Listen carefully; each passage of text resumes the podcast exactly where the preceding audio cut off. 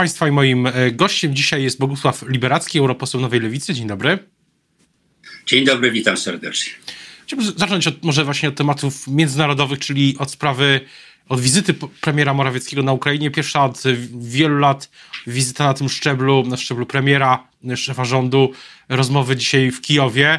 Mm, była też w Kijowie, jak rozumiem, jest delegacja europosłów. Widziałem, e, że jest tam na przykład pan europoseł Radosław Sikorski, europoseł e, Adam, e, Adam Bielan. Pytanie, czy pana zdaniem ta wizyta premiera ma dzisiaj sens? Że czy ma sens, to się okaże dopiero po wizycie. Natomiast kiedy rozmawiamy o tym wielkim problemie ewentualnie wojny lub pokoju, Ukrainy zależnej czy niezależnej, Ukrainy wziętej całkowicie czy wziętej częściowo, bo pamiętajmy, że częściowo ona już jest wzięta, to chciałbym nam wszystkim przypomnieć, kiedy zaczęła się sytuacja na granicy białorusko-polskiej, białorusko-litewskiej i łotewskiej. Wtedy w Parlamencie Europejskim, wtedy Komisja Europejska także wyrażała pogląd, że jest to swego rodzaju stres test dla wspólnoty, że to się bada po prostu, czy wspólnota europejska się zachowa solidarnie i spójnie jako całość, że tu wcale nie chodzi o konkretnie ten przypadek, tylko to, to jest y, dużo szerszy kontekst.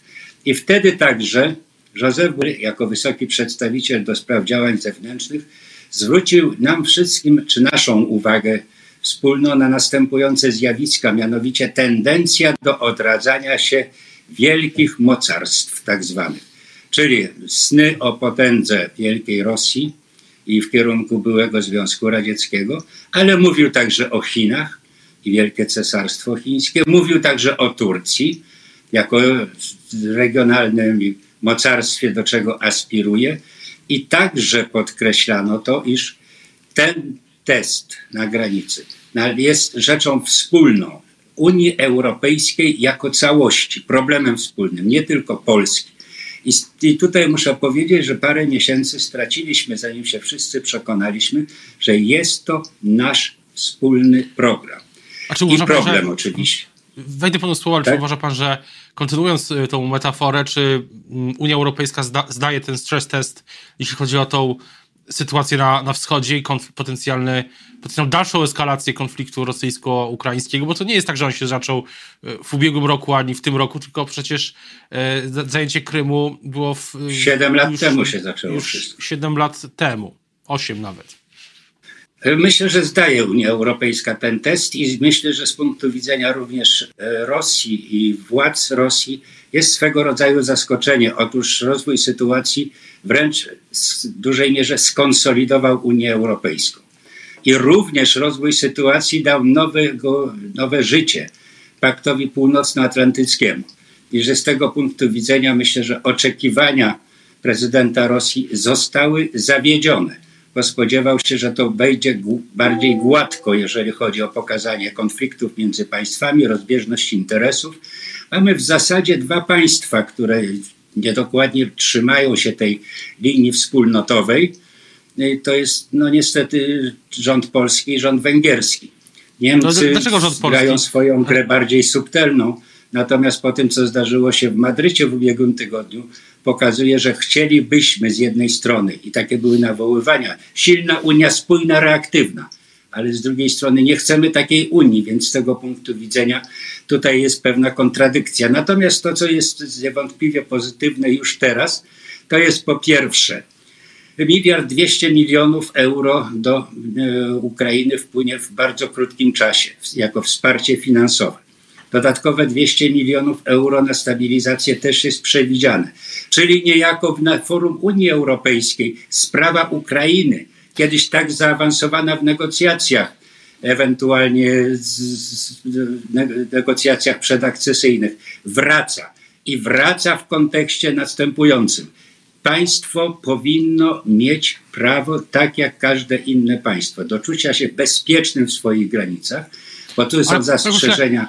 Panie pośle, jedna rzecz, panie pośle, jedna rzecz, bo chcę jednak wrócić do tego wątku, tego spotkania w Madrycie. Czy rzeczywiście e, w Brukseli, w Parlamencie Europejskim on zostało tak e, negatywnie odebrane jak wśród polskiej opozycji w Warszawie?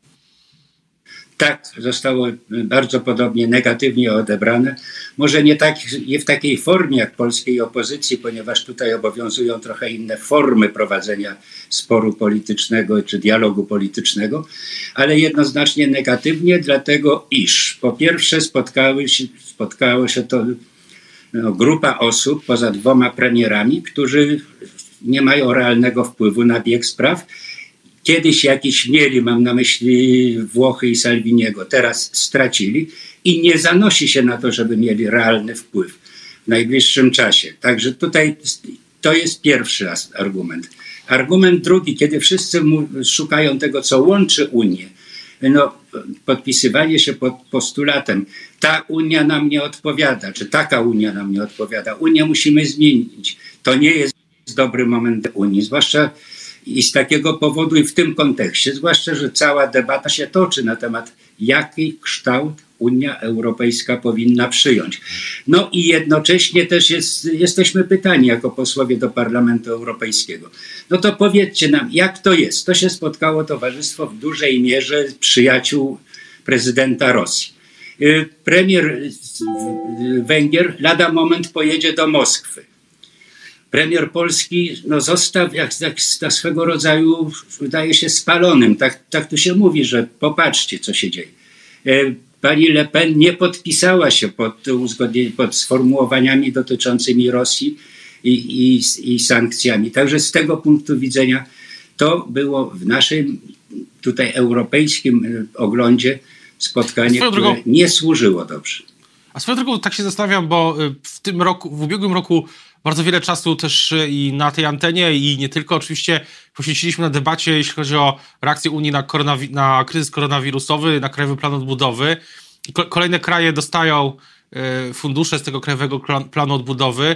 Jest pierwszy, pierwszy luty, zostało już tylko 11 miesięcy 2022 roku i tak się zastanawiam, jak pan widzi kwestię KPO. Co mówi się w Brukseli o tym, bo jeszcze jest taka sprawa, że im, im dłużej, im więcej czasu mija, kiedy Polska tych funduszy nie dostaje, tym mniej jest czasu na ich, ich, ich wydawanie, na, na, na finansowanie tych projektów, które są często wieloletnimi projektami infrastrukturalnymi. I może im dłużej to trwa, tym w pewnym momencie może po prostu tego czasu w ogóle zabraknąć.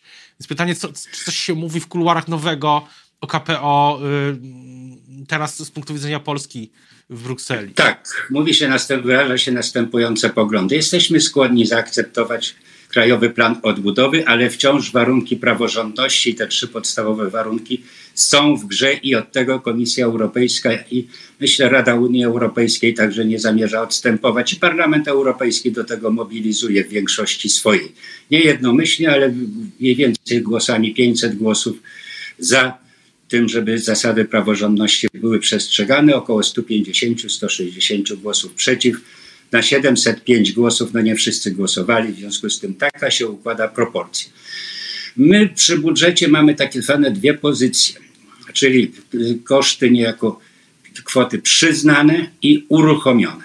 Ja nie wykluczam takiej sytuacji, że będzie oświadczenie, że commitment, czyli zobowiązania są zapisane, ale payment nie.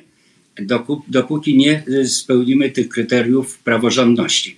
Ale nawet gdyby się tak zdarzyło, na przykład za miesiąc, trudno sobie wyobrazić, ale tego nie wykluczajmy, w życiu różne rzeczy się zdarzają, to my nie zdążymy tych pieniędzy zagospodarować do końca y, czasu przewidzianego na realizację Funduszu Odbudowy, bo Fundusz Odbudowy i Wzmocnienia Odporności był planowany na trzy lata.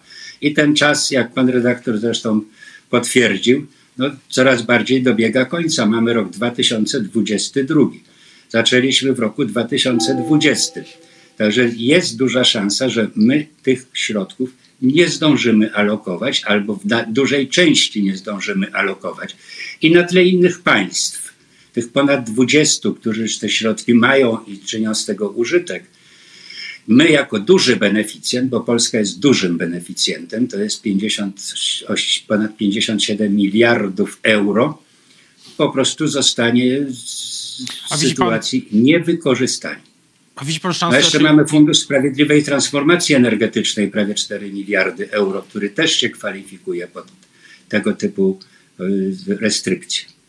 A widzi pan możliwość, żeby te pieniądze trafiały bezpośrednio na przykład do samorządów, do, sejmiku, do, do samorządów wojewódzkich na przykład z pominięciem tej drogi krajowej? Czy to w ogóle jest wykonalne? W tej chwili nie ma podstawy prawnej jednoznacznej, natomiast e, przewodniczący pięciu grup politycznych w Parlamencie Europejskim, czyli chadeków, socjalistów, liberałów, zielonych i nawet tej e, skrajnej lewicy podpisali się pod tym, do, pod taką petycją do Komisji Europejskiej, żeby zbadać możliwości wypłacania tych środków beneficjentom z pominięcia rządów. Bo tu jest przekonanie następujące. Polacy są zwolennikami polskiego członkostwa w Unii Europejskiej. To nie Polacy, nie biznesy, nie ludzie powinni cierpieć, no, bo to nie ludzie łamią zasady praworządności, tylko większość parlamentarna. Nie ma jeszcze odpowiedzi ze strony komisji, chociaż komisja już była ponagrana przez Parlament Europejski, jaką ma koncepcję uruchomienia takich kanałów. Gdyby się zdarzyło, no to będziemy w ślad za tym zaraz się opowiadać, żeby ten okres absorpcji przedłużyć jeszcze o jeden rok, bo to nam da szansę wykorzystać. Pan... Tylko, że pamiętajmy, że będzie duże skumulowanie, bo mamy wieloletnie ramy finansowe, ponad 100 miliardów euro, e, te 60 miliardów euro, no ale z drugiej strony mamy również w wielu inwestycjach po prostu w tej chwili stagnację. Mam to na myśli głównie inwestycje kolejowe z mojej branży najbliżej. Także z tego punktu widzenia będzie to duże wyzwanie, potrzeba wielkiej mobilizacji, ale jeżeli popatrzymy na proporcje, jeżeli strona dochodowa budżetu Polski w roku 2022 to jest ponad 480 miliardów złotych, pamiętamy jak premier reklamował pieniądze wspólnotowe 770 miliardów złotych w ciągu 7 lat czyli rocznie 110 miliardów złotych. No minus nasza wpłata zostaje netto rocznie około 90 miliardów złotych, czyli to jest 20% przychodów budżetowych w skali roku. I uruchomienie pan, tych środków pośle, również stabilizowałoby kurs złotego. Jedna rzecz, a czy uważa pan, że y, ten środki z tego głównego funduszu, głównego budżetu unijnego, w tym i dopłaty dla rolników też są zagrożone, jeśli chodzi o ze względu na praworządność? To też o tym też się w Brukseli mówi. Tak, mówi się również o tym, że, że być może te zasady rozporządzenie nie precyzuje dokładnie, że tu chodzi o fundusz odbudowy. To rozporządzenie, które podpisał pan premier Morawiecki. Tylko mówi się o pieniądze z, fundu, z budżetu Unii Europejskiej. Także z tego punktu widzenia może się okazać to jeszcze bardziej bolesne. I dlatego szukamy tego rozwiązania jako parlament, żeby można było kierować środki bezpośrednio, tak jak pan redaktor był uprzejmy powiedzieć, na przykład do województw na regionalne programy operacyjne. To jest też pytanie, pytanie o, a uważa pan, że opozycja w Polsce, czy robi wszystko, żeby taką presję na Prawo i Sprawiedliwość y, budować, czy, czy wszystkie argumenty zostały już zużyte w tej, w tej debacie, która była, no, trwa od prawie dwóch lat? Czy opozycja w Polsce uważam, że to jest zróżnicowane i to jest cecha opozycji ale tak, jeżeli chodzi o mo moją formację, czyli klub lewicy, podaliśmy rządowi rękę bardzo wyraźnie, głosując za ratyfikacją Funduszu Odbudowy. To było otwarcie furtki. Również e, podaliśmy rękę. E, w pierwszym czytaniu zagłosowaliśmy za przyjęciem budżetu na rok 2022. Nie wiem, czy punktu widzenia tego zyskaliśmy politycznie, ale to była kwestia naszej odpowiedzialności. Tak to traktowaliśmy. I zresztą pozostaje największa partia opozycyjna też była zdania, tak deklarowała, że tu nie chodziło o zablokowanie środków. Tu chodziło o zmuszenie większości parlamentarnej do zastosowania się do zasad praworządności. I my także w Krajowym Planie Odbudowy przyjęliśmy bardzo dużą troskę o to, żeby to nie były pieniądze tak powiem, partyjne na wzmocnienie pozycji e, rządzącej partii, tylko żeby te pieniądze były kierowane na, dla dobra całego społeczeństwa. Więc tutaj opozycję bym traktował jako opozycję, która przyczyniła się generalnie do tego, że taka możliwość się otworzyła. Natomiast nie jest opozycja już winna, że tej możliwości, tej możliwości nie można skorzystać na razie. A co do y, opozycji, to opozycja w Warszawie też i nie tylko oczywiście w Parlamencie Europejskim też dużo się mówi o zarzutach wobec, zarzutach o nielegalną inwigilację polityków w Polsce. Nie tylko zresztą mówią o tym też e, politycy PiS, jak na przykład pan minister e, Ardanowski w wywiadzie dla Rzeczpospolitej w poniedziałek o takich niepokojach mówi. I pytanie, czy na przykład Parlament Europejski, to, że dzisiaj Komisja LIBE Parlamentu Europejskiego ma się tym zająć, dzisiaj chyba pani prokurator Wrzosek jest też w Parlamencie Europejskim, to czy mm, to plus powołanie tej komisji śledczej w Parlamencie Europejskim coś może zmienić, jeśli chodzi o całą sytuację? To nie będzie dokładnie komisja śledcza w Parlamencie Europejskim, tak jak się spodziewamy. Natomiast będzie to pierwszy krok, to będzie misja posłów Parlamentu Europejskiego do Polski, tak zwana fact-finding mission. Dowiedzieć się, jak to, jest jak to jest naprawdę, jak to może być oceniane. Natomiast są trzy podstawowe, niedobrze brzmiące zarzuty i niedobre okoliczności. Po pierwsze, jeżeli szef sztabu wyborczego partii konkurencyjnej był y, podsłuchiwany, to znaczy, że może to rzutować, że wynik wyborów nie jest dokładnie adekwatny do tego, jaki mógłby być, kiedy nie, nie byłoby tego typu e, e, niepoprawności. Po drugie, jeżeli się podsłuchuje prawników, zarówno adwokatów, jak i, i, i, i prokuratorów, to jest uderzenie w kolejną grupę, grupę zawodową, już grupę zaufania publicznego. No i okazuje się, że również tak zwanych swoich władza podsłuchiwała. Więc to oznacza, że e, tu będzie odbiór, czy jest odbiór na razie następujący. Metody absolutnie nie do przyjęcia, ponieważ Pegasus miał służyć do innych celów. Była kwestia walki z e, terroryzmem, ale tutaj nie był wykorzystany do walki z terroryzmem. I ja bym bardzo chciał, żeby to się jak najszybciej wyjaśniło. Bardzo bym chciał, żeby ta sprawa została zamknięta, bo to szkodzi nam wizerunkowo. I to mnie po prostu, nie ukrywam, że martwi. Na koniec, ta komisja w Parlamencie Europejskim, jakie może mieć e, uprawnienia, znaczenie, jak to może zadziałać? Bo takie komisje już były, na przykład jeśli chodzi o e, tak zwane Dieselgate.